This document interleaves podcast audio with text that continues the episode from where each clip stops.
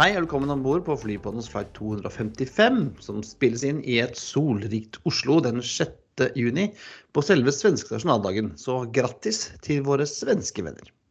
Som vanlig hører du meg, Christer Kammag og Espen Næss. I denne episoden så spiller vi av eh, Da vi skal høre på intervjuet som vi spilte inn på Oslo S, nei, Oslo S, ja. På Oslo lufthavn for, eh, for et par dager siden. Hvor vi intervjuet leder for ruteutvikling og friend of the pod, Martin Langås, om nye ruter, om isfjell og flyfrakt og litt av hvert annet greier. Vi skal også se på trafikktallene og fremtidsutsiktene for Widerøe og Norwegian, som går litt uh, forskjellige retninger nå fra sommeren som kommer. Uh, Riyad Air har vist fram sitt første fly, og Turkish har ikke helt bestemt seg ennå. Velkommen om bord på flight 255. Ja, og vi får hoppe rett på flightene, Christian. Det er ikke de vanskeligste i år. I, i dag, sier jeg. SK255 SIN til BNE 5900. Jeg tror du mente SQ, ikke SK, Espen? SQ, ja. Sorry. Ja. Da begynte SAS å fly Singapore til, til, Brisbane. Det har vel ikke ja, skjedd? Nei. Uh, AF255 SIN til CDG med en uh, 777-300 ER. Ja, vi, fra Singapore til, altså tilbake fra Singapore, da, til, eller fra Singapore til uh, Charles de Gaulle. Ja. ja. Og så er det da BA255 LHR til BGI med en 777-200 ER. Ja, det er Betrays fra London Heathrow til Barbados, er det ikke det?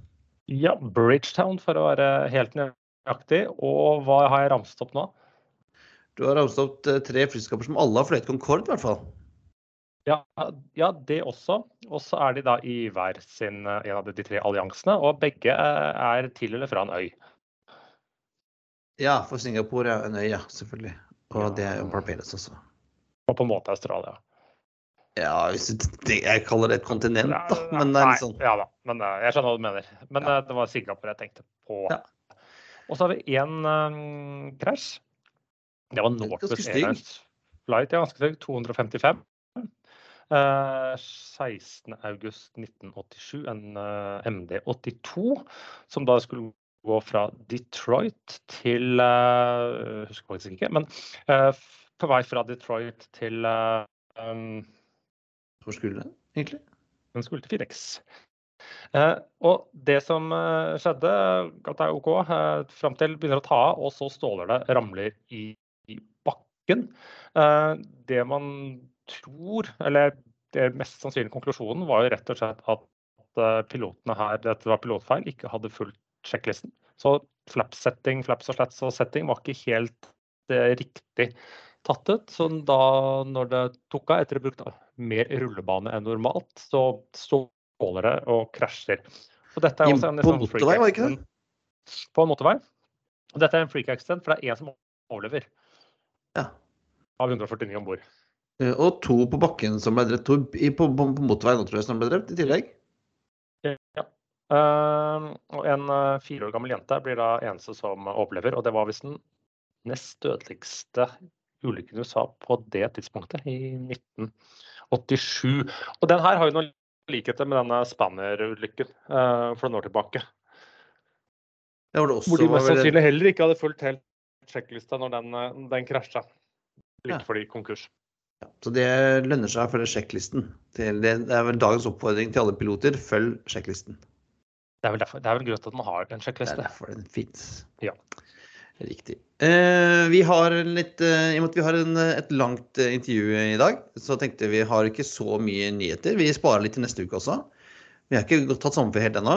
Eh, vi begynner med Widerøe, som eh, slapp passasjertallene for april. og eh, snakke, har snakket litt i, i melding om hvordan de ser på fremtidsutsiktene, Espen. og det, det ser ikke så bra ut. Widerøe er litt sånn opp og ned, sånn berg-og-dal-bane-opplegg. Ja, de gikk, de gikk jo veldig bra deler av korona og, og, og, i fjor, og nå er alt sorg. Eh, 288 000 passasjerer som de hadde i mai. Uh, og ned 7 sammenlignet med måned i fjor. Og, og, det er liksom sånn et av få selskaper nå som jevnt over har færre passasjerer. Eh, og de sliter jo fordi at norsk innenriks går ikke så veldig bra. Eh, eh, som vi har liksom snakket om før. Men også har de hatt en voldsom økning i, i kostnadene. fordi at et flyselskap, selv om det opererer i Norge og betaler norske landinger, så har det veldig mange utgifter i dollar. Fuel er i dollar, fly er i dollar, duppedikser er i dollar. sånt noe. Og så når de da får betalt i norske kroner, så har de da et rett og slett et uh, kostnadsproblem. Og de er jo veldig sånn norgessentriske, uh, naturligvis. De sliter jo rett og slett med det. Og de sier jo nå at nå, vi må både få opp belegget, uh, men de kan jo ikke dumpe prisene for mye heller. og kommer også med kutt. Jeg har ikke helt forsket på det, helt, men de sier fra 1.9. Så, så blir det en del kutt i, i rutetilbudet.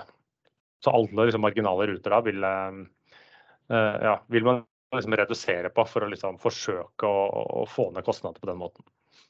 Ja, og For videre så handler det jo om først de, de der kommersielle rutene. For de har jo ikke så mye eh, wiggle room til å sånn, kutte på kortbanettet. For der har de jo en, en, eh, en Der har de jo sånn forpliktet seg til å fly. Ja, ja der, eh, der flyr de. Og så vet jeg ikke hvordan, om det er noe sånn uh, fuel adjustment, som man kaller det i, i, i kontrakten. Der. Det er helt nøyaktig hvordan, uh, hvordan, det fungerer. Men ja, der er de Men alt dette nå, det er en enorm økning i kostnadsnivå. For du både har en norsk krone som har gått litt til helvete, for å si det pent. Og så har du jo også da eh, Myndighetene har jo kraftig skrudd til avgiftene, eller opp avgiftene på, på flytrafikken når eh, passasjeravgiften kom tilbake eh, osv. Slik at det har blitt relativt dyrere eh, Eh, operere i Norge. Og jeg tror at staten kommer til å få seg en real eh, overraskelse. Og det der anbudet nå som eh, Ja, de skal jo Det er vel over sommeren det skal sendes inn, så åpnes det vel utover høsten. Så jeg tror det kommer til å sprenge deres planlagte budsjetter. Ganske ja, fordi at Særlig når de har lovt billigere billetter til de reisende og et bedre utetilbud, så kan ja. du ikke forvente seg at flyskapene som skal levere en anbud, skal levere et lavt anbud, for de må tjene penger òg.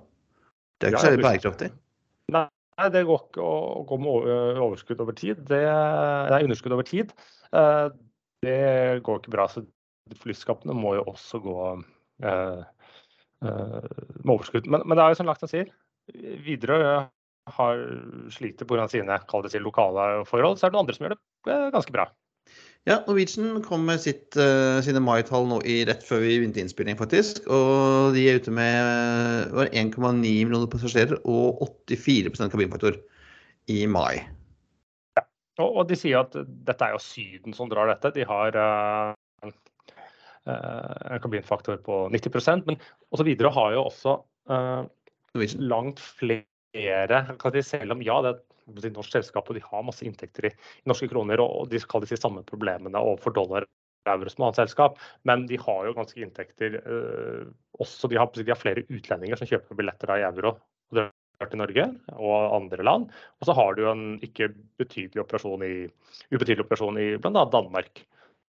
Som, som jo pga. faktisk danske flyveledere eh, bidro til over halvparten av forsinkelsene sine i, i i, mai. Fordi, men Norwegian har generelt sett fått en veldig bra punktlighet. Og, de, har sagt, 84 uh, belegg, og de trekker fram at uh, det de kalte holiday destinations, uh, og som er vel sikkert Syden og storby, de hadde over 90% belegg. Så de, de, gjør mye riktig, de fortsetter å gjøre mye riktig. Og nå ser jeg også at på lave oljepriser nå, at de stadig øker fuel fremover. Ja, og både yield og unit revenue ligger eh, ja, jeg vil si nesten stabilt. Det er vel 0,01 øre, eller hva ett øre opp fra april. Eh, både på yielden ja, og på ja. unit revenue. Men til, men eh, til, da, hva skal jeg si uh, uh, Mer større belegg, da, så du får faktisk uh, De har økt produksjonen, men da skal enhetskostnaden bli ned. Så 2,15 milliarder i inntekter i måneden fikk jeg på disse 74 flyene i drift. De har ikke, de har ikke satt alle flyene i drift ennå, for de har vel 81 som de skal ha liksom klart til sommersesongen. Og Sommersesongen eh, sier igjen ser veldig veldig god ut. Det er fulle fly og god yield. Fremdeles gode priser på flyet der ute, Espen. Altså for flyskapene, ikke, ikke, ikke for deg og meg. Men, nei, men det sier alle. Jeg så en sånn altså disse RDC Aviation som har noen sånne si, algoritmer for å prøve å beregne hva er egentlig hva koster en flybillett. Eh, og de, de, har tatt for seg Ryanair. og liksom, Når de måler på samme måte, tror jeg at de får 25% rundt 25% bedre betalt for flybillettene nå i år enn i 2019. Mm. Og 2019 var jo også et bra år, selv om du hadde en del ja, ja, ja. da. Jo da, og kostnadene skal Jeg vet ikke om det for et uh, selskap som Ryanair om de har gått opp eller ned, men det var ikke gratis oljepris i 2019. Nei, det var ikke det. var ikke. Så det øh, Vi har vel sagt det før, sier det igjen. Jeg, jeg, tror ikke man skal vente med å bestille flybilletter til sommeren hvis du ikke har bestilt det ennå.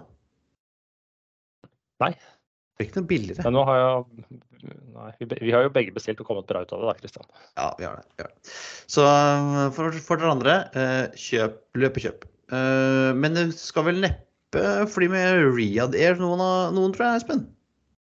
Nei, jeg så kanskje ikke på lista, øverste liste over dette vil vi gjøre til oss. Men de har prestert den første av to livers, eller fargegreiene de skal bytte nok ha av to. Og det er sånn blanding at ja, det er litt harry, men det er litt mer fargerikt og litt annerledes enn veldig mye annet der ute. Er, eh, jeg liker jo flykropper som er fargerike og ikke hvite. og det, Hva er bakgrunnsfargen? Sånn mørk blålilla nesten? Ja, blålilla, i hvert fall på den første. Og så vet jeg ikke hvordan den andre skal se ut. Altså, logoen var kjent, de har denne Rikerud-logoen på halen. ja.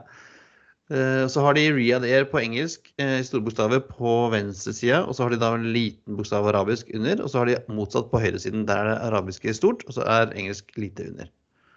Ja. Eh, jeg syns det er litt Jeg får litt sånn honky-følelse av den.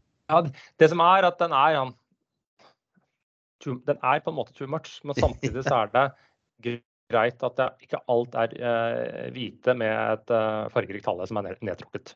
Ja. Så uh, mixed bag. Uh, denne skal vises fram uh, på Paris Air Show, som begynner den 19. juni, hvis ikke jeg husker feil. Um, og da håper vi at vi ser den andre også om ikke så altfor lenge. Ja. Men apropos ikke-nyheter. Det har ikke skjedd noe.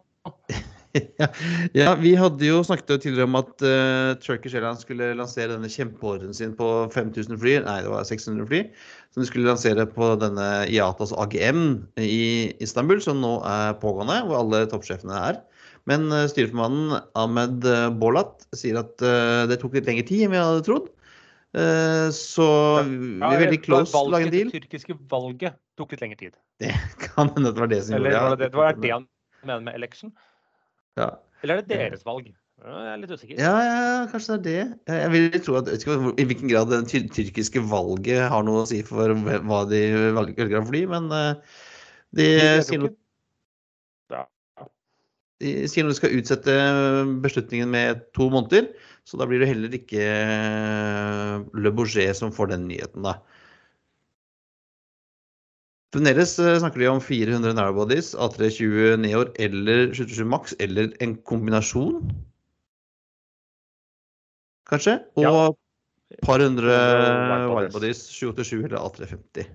Ja, jeg tror ikke det blir eller her, jeg tenker det blir en og.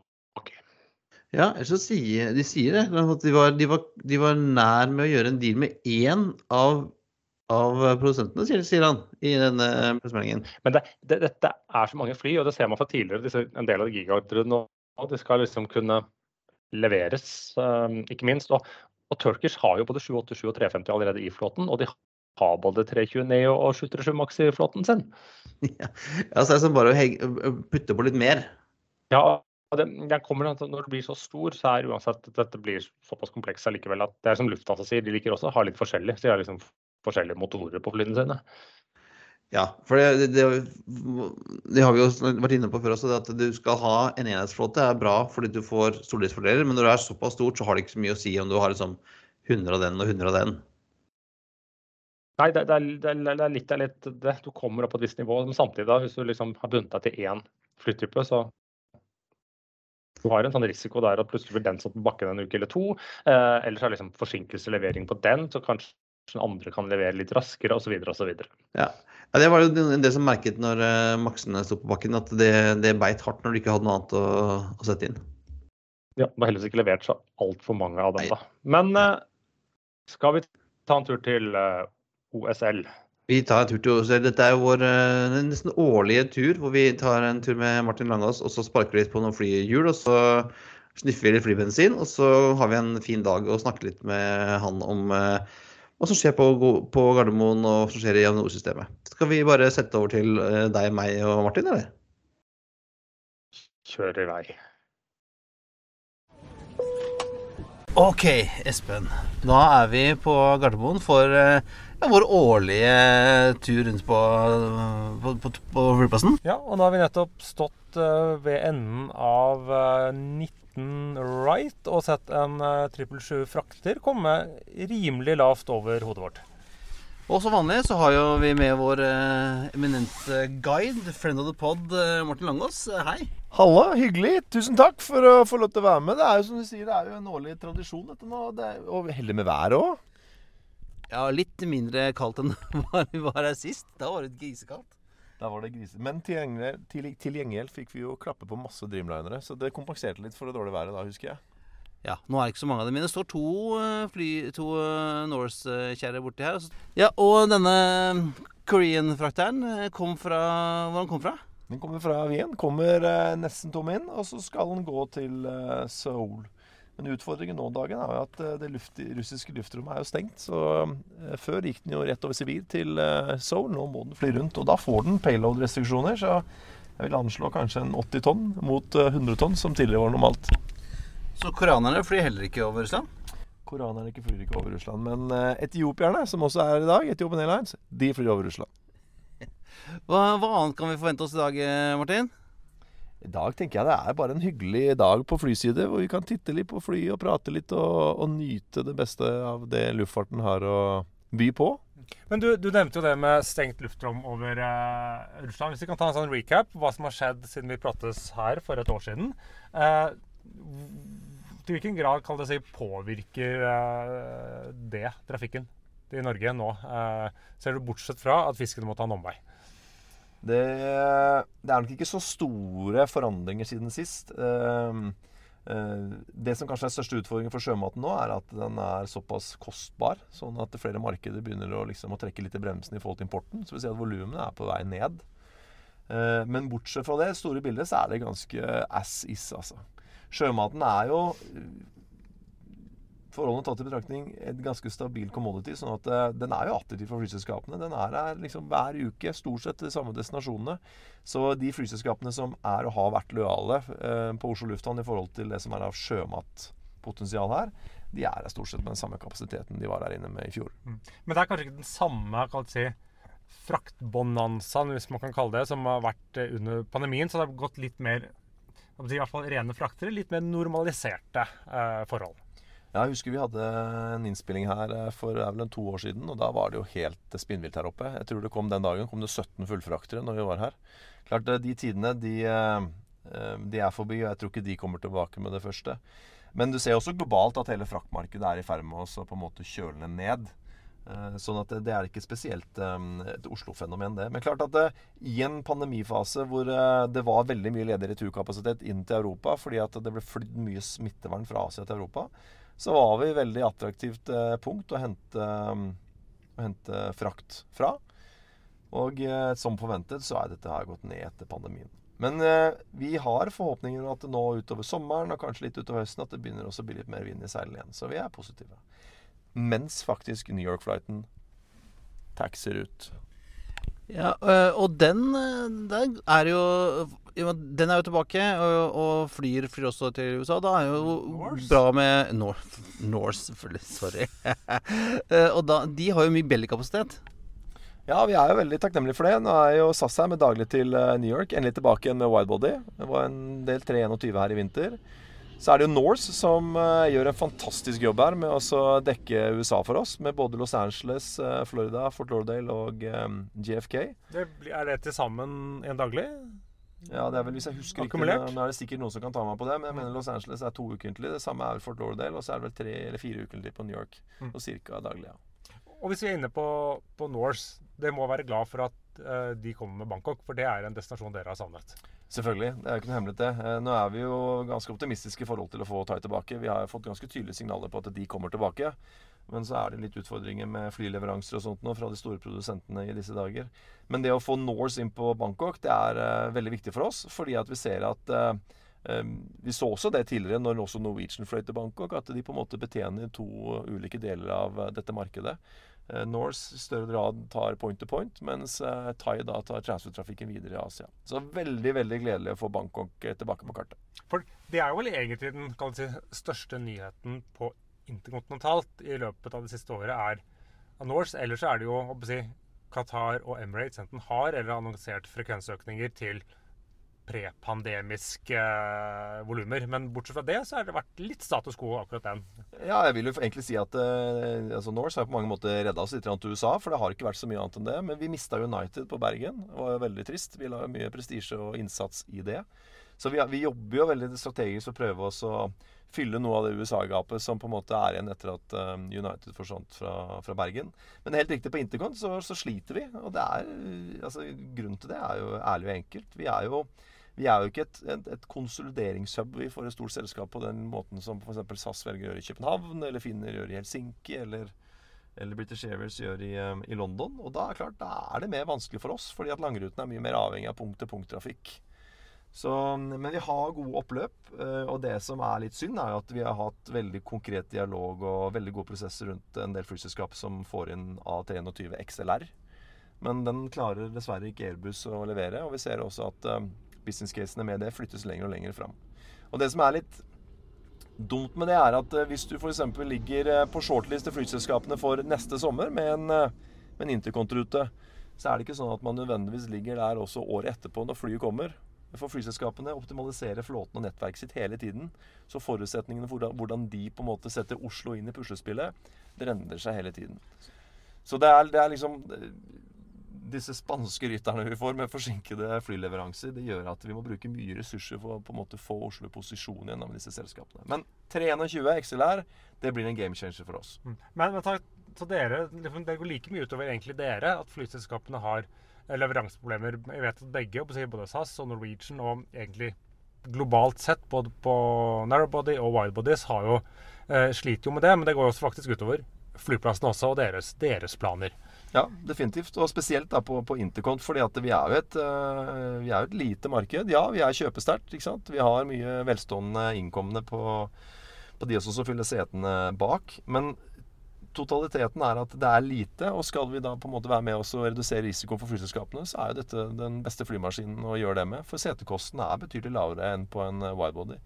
Og kanskje skal du fylle en jeg vet ikke jeg, det kommer litt an på konfigurasjonen, men en 140 seter da, i forhold til en 260 eller 300 seter, mm. så er det klart at det er, en, det er en enklere oppgave og en fin måte å bygge opp markedet på.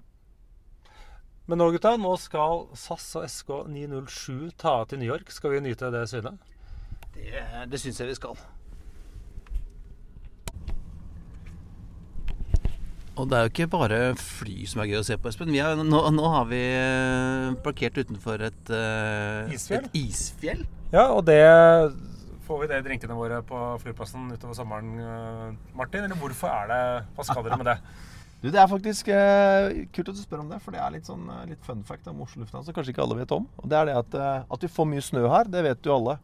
Men det at vi faktisk lagrer snøen og deponerer den og putter flis på den, det gjør vi fordi at uh, vi bruker snøen til å kjøle ned eh, Oslo lufthavn og bygninger rundt om sommeren. Her er det en, uh, et stort basseng. Uh, hvis vannet i bånn smelter sakte og er kaldt, og brukes da til å kjøle ned temperaturen på terminalen og sånt. Sånn som i dag, hvor det er en varm og fin sommerdag. Så det er en fin møte å bruke noe som ellers er et problem her om vinteren. Altfor mye snø. Så, og det er jo ganske svært. Hva kan det være? Fem meter høyt eller noe sånt? Minst.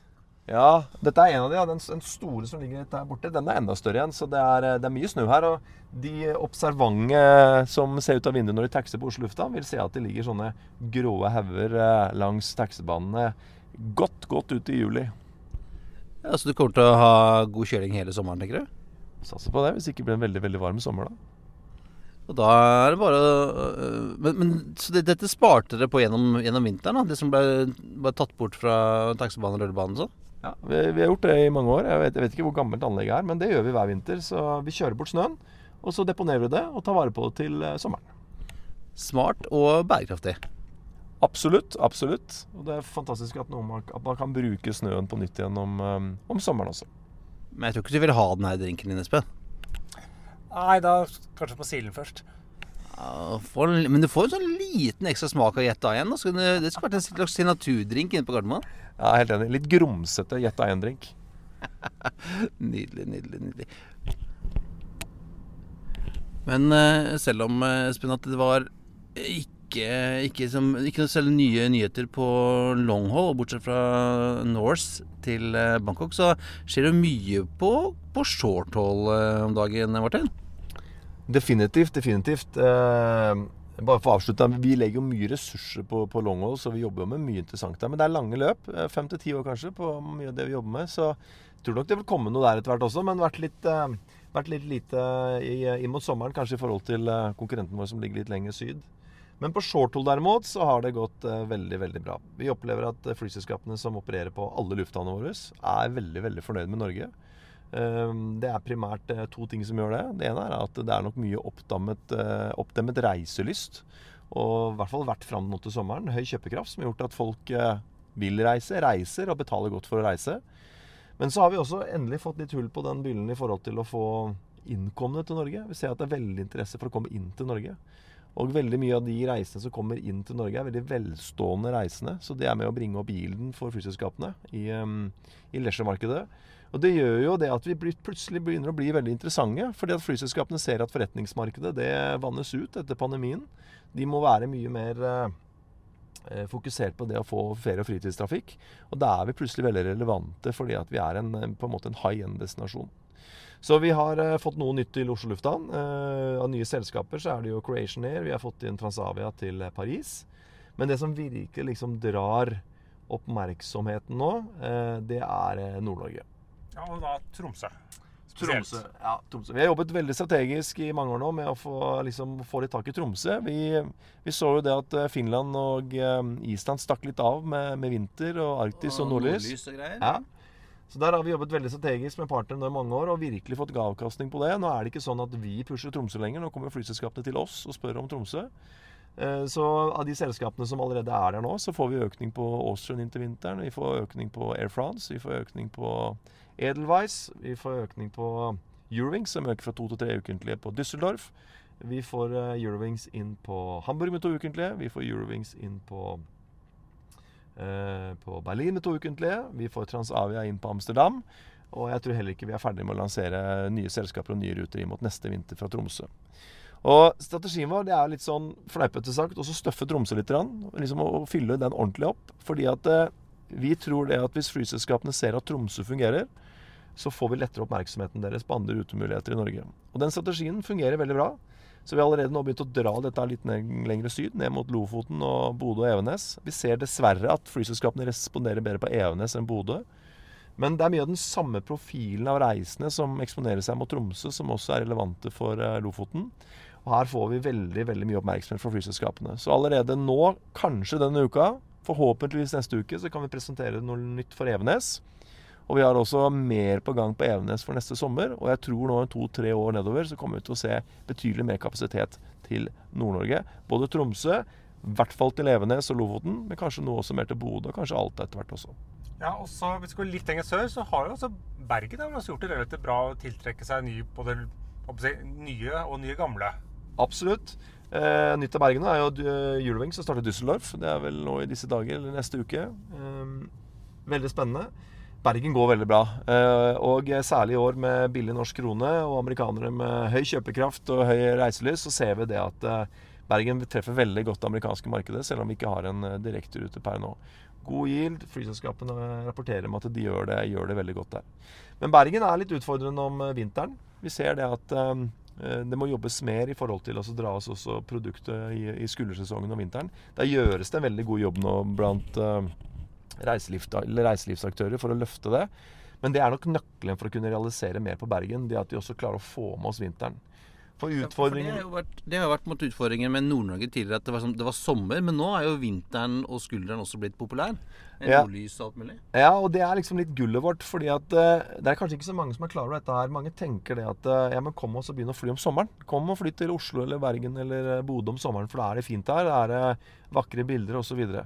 Men for flyselskapene som er rundt i Europa, de har jo ikke ledig kapasitet. De optimaliserer flåten sin til enhver tid. Og om sommeren så flyr de alt de kan, overalt, for da tjener de penger. Så for de da å åpne en rute til Norge f.eks. eller om sommeren, det er en veldig høy terskel. Fordi at det handler om alternativ kost. De må kutte noe for å åpne noe nytt. Norge er lang sektorlengde osv. Så, videre, så det er vanskelig å få realisert ny kapasitet til Norge. Men hvis vi beveger oss ut på skuldrene, så har flyselskapene mer tilgjengelig kapasitet, og inn i vinteren enda mer. Det er lettere å få de til å prøve noe nytt. Så dette med counter seasonal, altså jobbe altså mot disse store etterspørselsbølgene som er eh, spesielt i det europeiske markedet, fungerer veldig godt for oss. Og det gjør vi strategisk, også nå med Lofoten. Prøver også å fokusere på høst og, og vår framfor sommer, og også bygge vinter. For da er det lettere å få oppmerksomhet til flyselskapene. De er mer risikovillige. Men ser man på OCL, så har det jo vært du kan si, Hvis man deler markedet litt, så virker det jo som uh, mange nye kan si, destinasjoner fra OCL. Så har liksom Norwegian mer eller mindre stått for, når de egentlig har tatt over mye en del av ruter og litt sånn som, som Flyr forsøkt seg på. Eh, og så er det kontra det, de utenlandske selskapene som har sett en vekst på OSL. Du, har, du nevner Eurowings, du nevner Transavia. Eh, men de flyr gjerne da fra eksisterende eh, byer som har ikke hatt så mange si, utenlandske selskaper til nye destinasjoner. Nei, og vi er veldig glad for at Norwegian eh, gikk inn på en del av de rutene som eh, ble ledige etter at eh, fly forsvant. Men i tillegg også at vi får helt nye ruter nå. Vi får jo Skopje, vi får Bucuresti, vi får Sofia. Altså prikker på kartet som vi har eh, jobbet lenge med å få, få fylt. Så det er vi veldig glad for. Samtidig så ser vi også at uh, SAS er eh, aggressive, og så ønsker også å ta en større del av ferie- og fritidstrafikken. Så jeg tror sånn vi må erkjenne, selv om mye vil ha mer, at vi faktisk begynner å få ganske bra dekning på Oslo lufthavn, i hvert fall i forhold til europarutene. Og du var jo litt inne på det.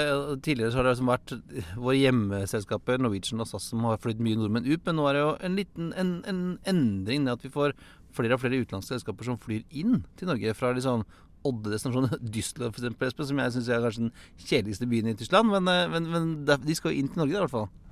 Ja, og det er det som gjør dette her eh, litt spennende. Fordi at eh, dette er en helt ny dynamikk i markedet som på en måte ikke har sett tidligere. Eh, Avinor også på inntektssiden har lent seg veldig på liksom, nordmenn som skal reise ut. Men nå vil antakeligvis ikke nordmenn reise så veldig mye mer ut enn det vi gjorde eh, tidligere.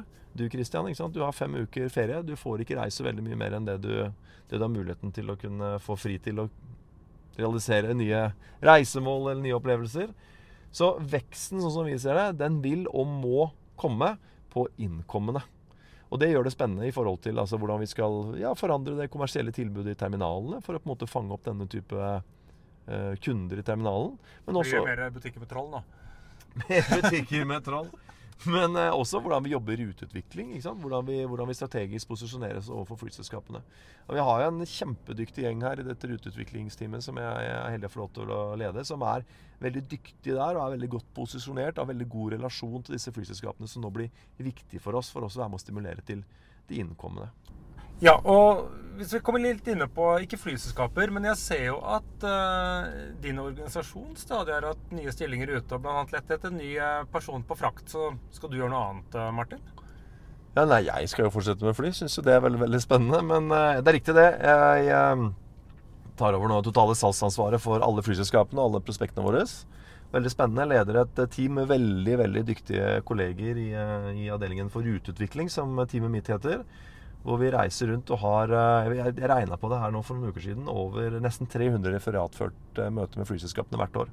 Så vi er mye ute, og vi bruker mye ressurser på å få inn flyselskapene og sørge for at de som er her, er happy. Eh, så det er min nå nye jobb, og så lede det.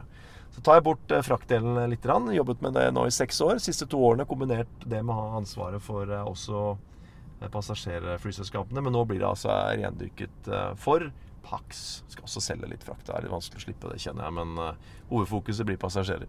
Så nå søker vi etter en ny fraktsjef som skal ta over etter min gamle jobb. Og så har vi også akkurat nå ansatt en som går inn i mitt team. Så her har det vært mange spennende muligheter. Har du lyst til å bli fraktsjef i Avinor, så er det enda et par dager å, å søke. Apropos frakt. Eh, sist vi var her, snakket vi litt om den nye sjømatsenteret. Hvordan går det med det? Vet du hva? Den åpner om litt over en uke, så kanskje vi skal stikke bort og titte på den? Det gjør vi. God idé. Men, eh, sist vi var her, eh, Martin, så sto vi ute på Tarmac, og da sto det et sånt tog med fisk. Eh, det står ikke, ikke stå her lenger. Ja, er det vel bare to uker igjen. så er det helt slutt på det. For da åpner det nye kjølehotellet som er foran oss her. Eh, Vi har et handlingsselskap som heter OSCC. Oslo Seafood and Cargo Center. Eh, Og de har bygd en kjøleterminal, et kjølesenter for sjømat, som egentlig fungerer veldig enkelt og genialt, eh, etter min mening.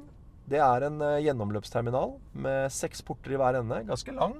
Husker ikke meteren her, men den er nok en 80 Hva tror vi? er? 60-80 meter lang eller noe? Vi sier 100, vi. Vi er sier, vi sier 100. Og hele poenget er at skal du kjøre sin hele Dolly-tog Så når altså Hva er, hva er et Dolly-tog? eh? Ja, det er altså disse trallene du ser med, med traktor med tralle med fisk etter. Og istedenfor at dette skal stå ute og på en måte være eksponert for vær og vind fram til flyet skal gå, så skal disse Dolly-togene gå inn i dette anlegget og stå der helt til så nærme opp mot flyavgang som mulig. Og Ved å gjøre det så reduserer du eksponeringen av sjømat betydelig på flyside. Og oppsiden her er jo at du kan redusere ismengden og ha mer fisk i kassene. Så det blir altså billigere for eksportørene, og det blir mer bærekraftig for at vi slipper å eksportere mye is eh, og vann pga. at vi har en dårlig kjølekjede. Så med dette anlegget her nå, så rykker plutselig Oslo lufthavn opp og blir altså definisjonen på, på en måte sjømat- og kjølelogistikk av lufthavnen i Europa. Så det er egentlig et, en stor eh, En stor garasje som er kjøl, som et, et kjempekjøleskap, egentlig. Ja, Det er et kjempekjøleskap, så inni her så skal temperaturen være lav hele året. Og som gjør at man får eh, gode for, og trygge, forutsigbare forutsetninger for, for sjømaten. Og det er jo sånn at Mye av sjømaten som, som klargjøres for fly, de står jo her i mange mange timer før flyene går og blir soleksponert. Og Det gjør jo både at du må ha mer is, som vi nevnte, men det er også veldig utsatt for eh, angrep fra skadedyr. Fugler, eh, brekkasje og den type ting. Så ved å få nå alt kontrollert inn på et eget område hvor temperaturen er lav, det vil gi mange oppsider. Både for eksportører, på flyselskapet, handlere osv. Så kommer lastebilene eksternt til dette bygget, og så laster de på trallene og står der så lenge det behøves. Nei. Nei. Eh, det gjør det ikke. Så hvor kommer fisken fra? det, fisken kommer med lastebiler som tidligere. Den vil gå til handlingsterminalene. Så i dette tilfellet ned til OSSC, som har en eh, fraktterminal helt syd på Oslo lufthavn. Ja. um, der kommer lastebilen inn. Så blir det uh, uh, lastet av der paller med sjømat som blir Mhm. bygd på flypaller. Ja. Og når de flypallene er klare og går ut av terminalen her nede, Mm. så går de på Dolly-tog opp hit. Ah, og så så- står de, så hele toget går ut idet flyet skal gå. Så, så altså Ankomsten til flyplassen er likt som tidligere. Og vi har jo vært nede og sett på eh, det senteret nedi der. Helt riktig. For denne terminalen, altså dette- kjølehotellet, den vil jo ligge på rød side. Ja. Så her vil det ikke kunne komme lastebiler inn. Så her er det altså fra flyside til flyside. Så det er litt som eh, rett og slett et eh, kan jeg si, samme som det er på passasjerterminalen, et bagasjehotell. Ja, det kan du på en måte si. Et bagasjehotell. Og det som jeg syns gjør dette genialt, er at man egentlig har tatt bort en del forslag til teknologi. ikke sant? Her kunne man gjort en veldig stor grad av automatisering.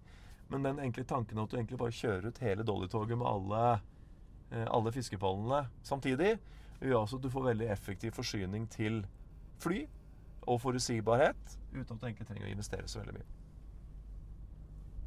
Genialt, altså. Ja, han Egon sa så. Eh, Vi har jo snakket en del om eh, nye flyselskaper. Det syns vi alltid er gøy. Men, men vi har jo våre gamle helter Gamle helter, sier jeg. SAS og Norwegian også, som jo heller ikke ligger på ladesiden. Nei, og videre også i den eh, gruppen der. Nei, vi er jo veldig privilegerte at vi har eh, store, tunge hjemmeselskap som, eh, som eh, Ja, nå har Norwegian kommet seg veldig godt gjennom pandemien i forhold til å få eh, restrukturert selskapet. Nå er jo SAS i chapter 11. Men alt tyder jo på at vi skal kunne fortsette å ha to store, solide og gode flyselskaper i Norge. Og det er vi helt avhengig av. Eh, Dette er jo selskaper som har veldig kjennskap til det norske markedet. Eh, ofte mye bedre enn det vi har i trafikkutvikling. Så det er veldig lite nødvendigvis vi kan klare å påvirke de i forhold til hva de skal åpne, den type ting, selv om vi deler data og har god dialog med de. Men den markedskunnskapen de har om, om, om Norge, og hvordan de velger å optimalisere nettverket sitt, det er veldig veldig viktig for oss.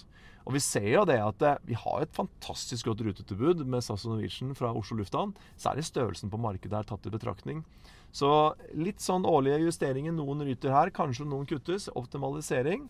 Eh, Men jeg skal si oss ganske fornøyd med det som på en måte Norwegian og SAS leverer her av kapasitet. Og vi er veldig opptatt i avdelingen min av å ikke legge til rette for kannibalisering. Alle flyselskaper skal få lov til å komme inn på de rutene de ønsker. Men vi jager jo heller ikke flyselskaper som på en måte går inn og hva skal jeg si for noe, kannibalisere og ikke bidra til bærekraftig vekst. da. på de rutene vi har. Nei, for Dere er ikke på jakt etter en ny aktør til Malaga? Eller, eller London. Nei, nei altså, men så kan du på en måte si at på Spania-markedet så funket det jo ganske bra for f.eks. Flyr. Det var jo et, en destinasjon vi så funka for de. Um, nå satt jo ikke vi og så på Excel-arkene som, som, det Flyr gjorde, men i, hvert fall i, i forhold til de tallene vi har, så er kanskje Spania en av de få stedene hvor det kanskje er plass til litt mer kapasitet. Men vi ønsker jo ikke vekst for vekstens skyld, eller nye ruter bare for nye ruters skyld. Vi ønsker å få de inn der de kan være med å stimulere markedet, hvor det er et markedsgrunnlag. Og Der begynner det å bli ganske små hull nå. SAS og Norwegian dekker veldig veldig, veldig godt opp det europeiske markedet og shortholderrutene fra Oslo lufthavn spesielt. Vi har jo sett på Vi har jo fulgt eh, disse ukentlige trafikktallene fra Avinor. Eh, og i starten så var det jo innenriks som måtte var toget, men nå ser jeg at eh, veksten dabber av på innenriks, og det er liksom utenriks som driver det. Det er det, og det har også å gjøre med at vi har eh, blitt veldig mye populær som en innkommende destinasjon. Vi ser det og er veldig optimistiske forhold til sommeren. Men samtidig så er det også bekymringene for hva som kommer etter sommeren. Nå liksom virkelig trolig dette med redusert kjøpekraft og høy rente og svak kronekurs begynner også å slå inn. Fordi at uh, her er jo en del av de rutene vi har og en del av lufthavnene vi har, mer eksponert. F.eks. Eh, Bergen har jo om sommeren en god kombinasjon av eh, innkommende og utkommende. Eh, Stavanger litt svakere på det. Tromsø derimot om vinteren nesten bare innkommende. Så der ser det veldig bra ut til vinteren. Men hvor dette vil slå ut, er veldig usikkert for oss. Og vi følger veldig tett med nå på hvordan, hvordan høsten former seg. Litt bekymret, men optimist fordi at vi ser at kanskje noe av bortfallet av nordmenn som reiser ut, kan erstattes med utlendinger som kommer inn. Er det noen muligheter for nye ruter til Sveits? Det er jo så populært å flytte til Sveits om dagen. Haha, ja. Eh, nå er det sånn at Vi hadde jo um, Swiss her som åpna, skulle åpne Genéve. Men de som alle andre sliter med 220 med motorene. Så den er utsatt. Um, det var ikke fordi den booka dårlig, men det var rett og slett tilgjengelighet av fly. Så den kommer nok tilbake.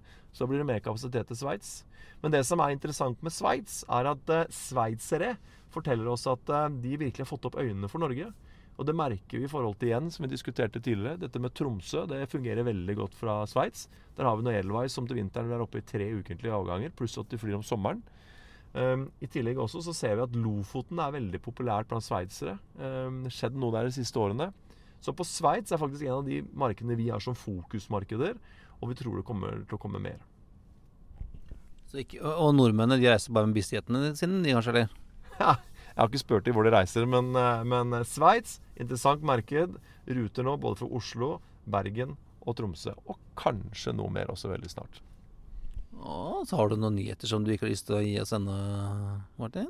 Det er faktisk helt uh, riktig. Men uh, kanskje, kanskje før sommerferien så kan vi slippe noen ting. Der er Sveits en av de.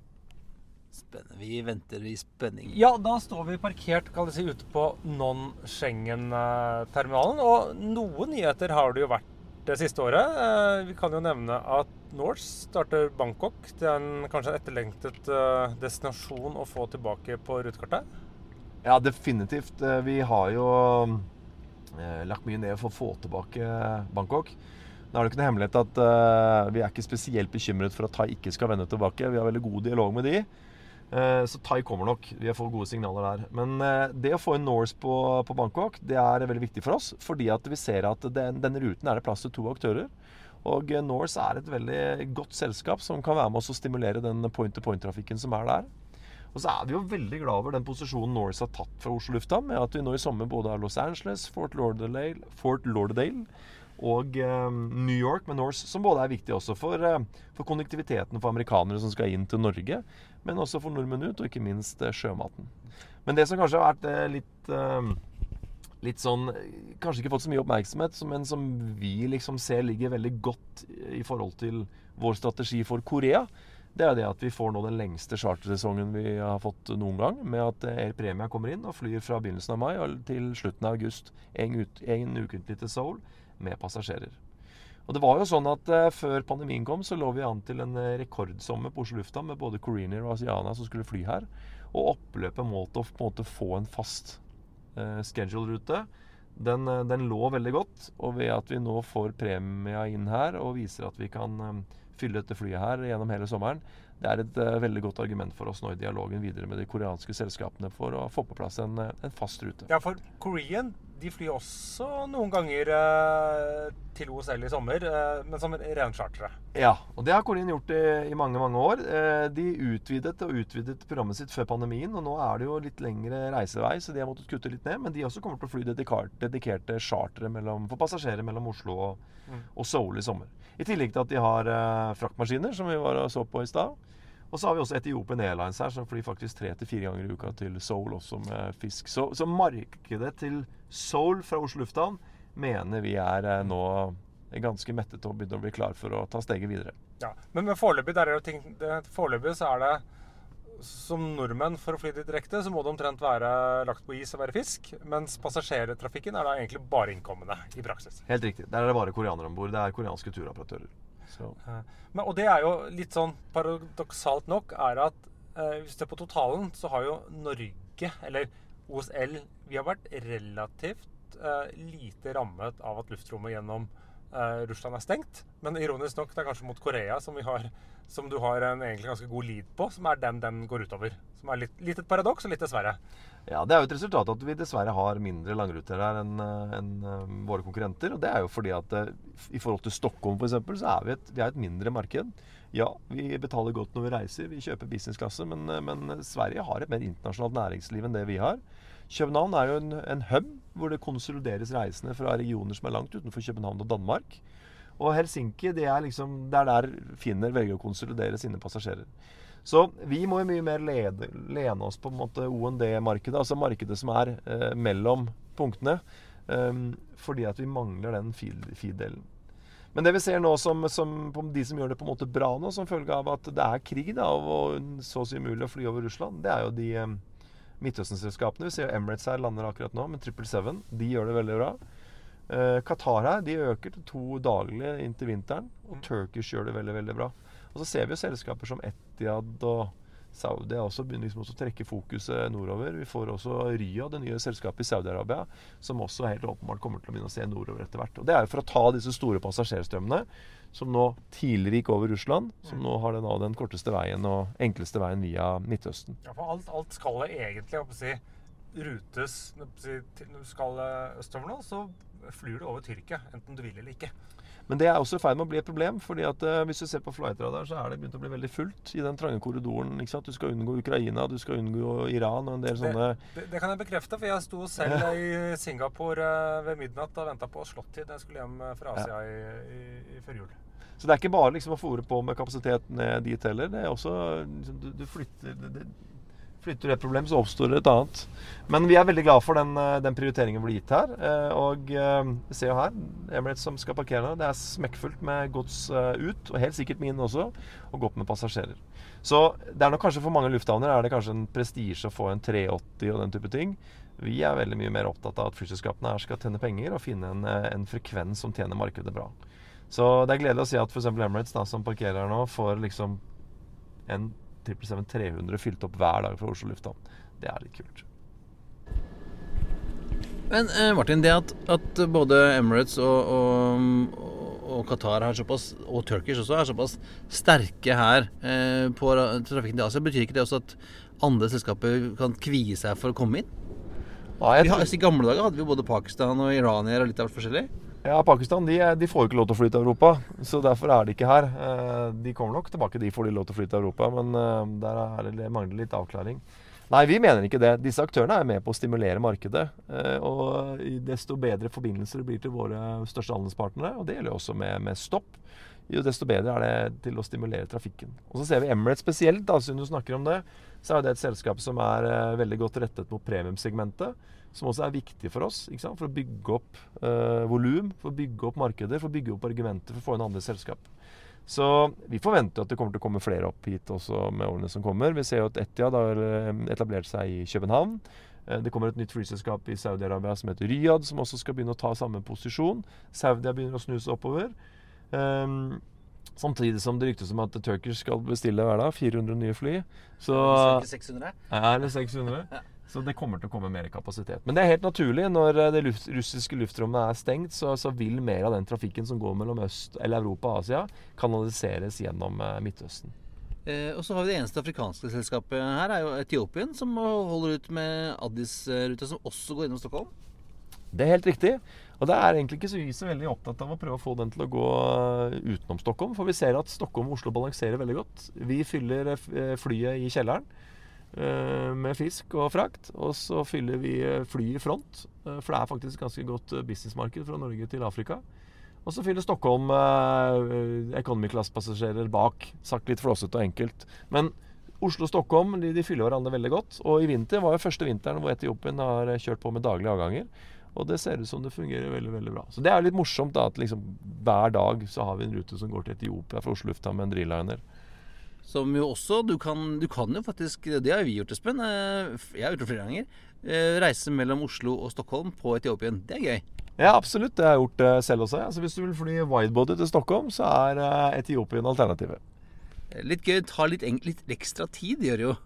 Jo, men så er det widebody, da. Det er, det er det verdt det, syns jeg. Er man nerd, så er man nerd. Helt riktig. Men eh, skal vi eh, tusle videre? Det syns jeg. Hvor vil dere dra next? Vi må jo prøve noen av eh, lufthavnens serveringsfasiliteter etter hvert, tror du ikke det? Kanskje vi skal stikke inn og se på det nye fine torget vi har åpna på utenlandsterminalen vår? Ja, la oss gjøre det. Ja, Espen, da har vi fått oss litt mat i magen. Jeg har for første gang vært på O'Learys. Og jeg har vært der før i mine eh, yngre dager, men nå står vi på et område som kall det si, er nytt. Det vil si, her har det vært et byggeplass veldig lenge. Hva, hva, hva kaller du dette her, eh, Martin? Du, Vi kaller det for uh, Torget. Men uh, kjenner du deg igjen her, eller? Dette her var jo taxfree en periode. Stemmer. stemmer. Det var taxfree, og så var det litt eh, bokhandel og litt uh, forskjellig her. Men nå har vi åpnet Vi har egentlig gjort om alt her. Det har vært stengt her en periode for de som har vært og reist og sett store vegger her. For dette er det som området som er mellom E og D-piren. vel? Akkurat der hvor D-piren går inn på E. Hvordan skal vi si det? Det atriumet som har vært mellom Jamie Oliver, havsalt, eh, den store infoskjermen før du går inn til Ja. utland. Liksom den store åpne i Pirota på, på, på Pir Nord. Der er det nytt. Og der har vi bygd et torg.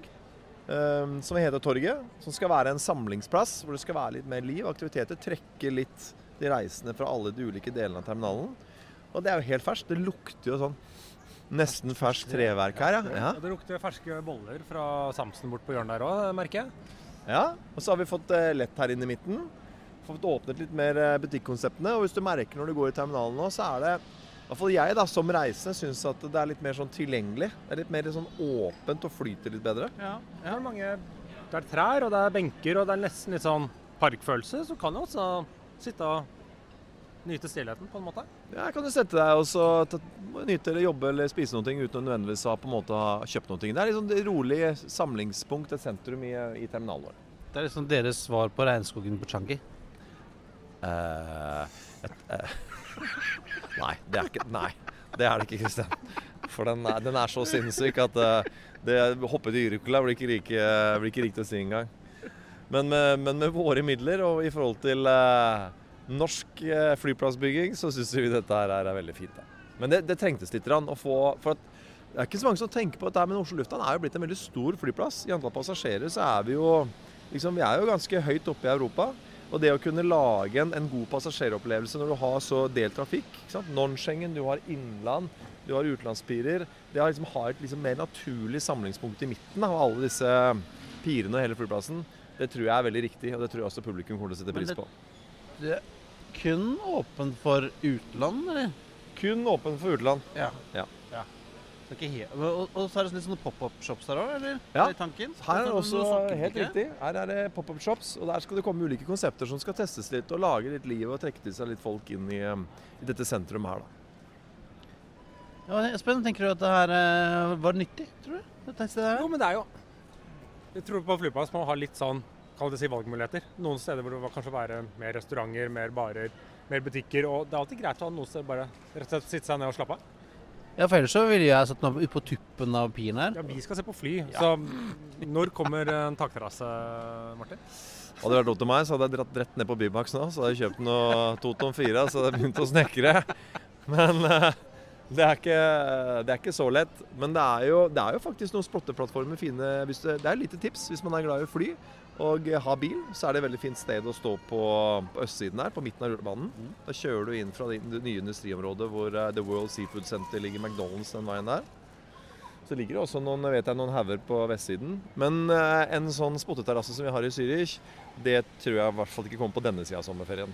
Nei, Men da sier vi, med, det, med det så sier vi tusen takk for en nydelig dag på Oslo lufthavn, Martin Langås. Ja, men Som alltid veldig hyggelig å ha dere her, og velkommen tilbake neste år i juni.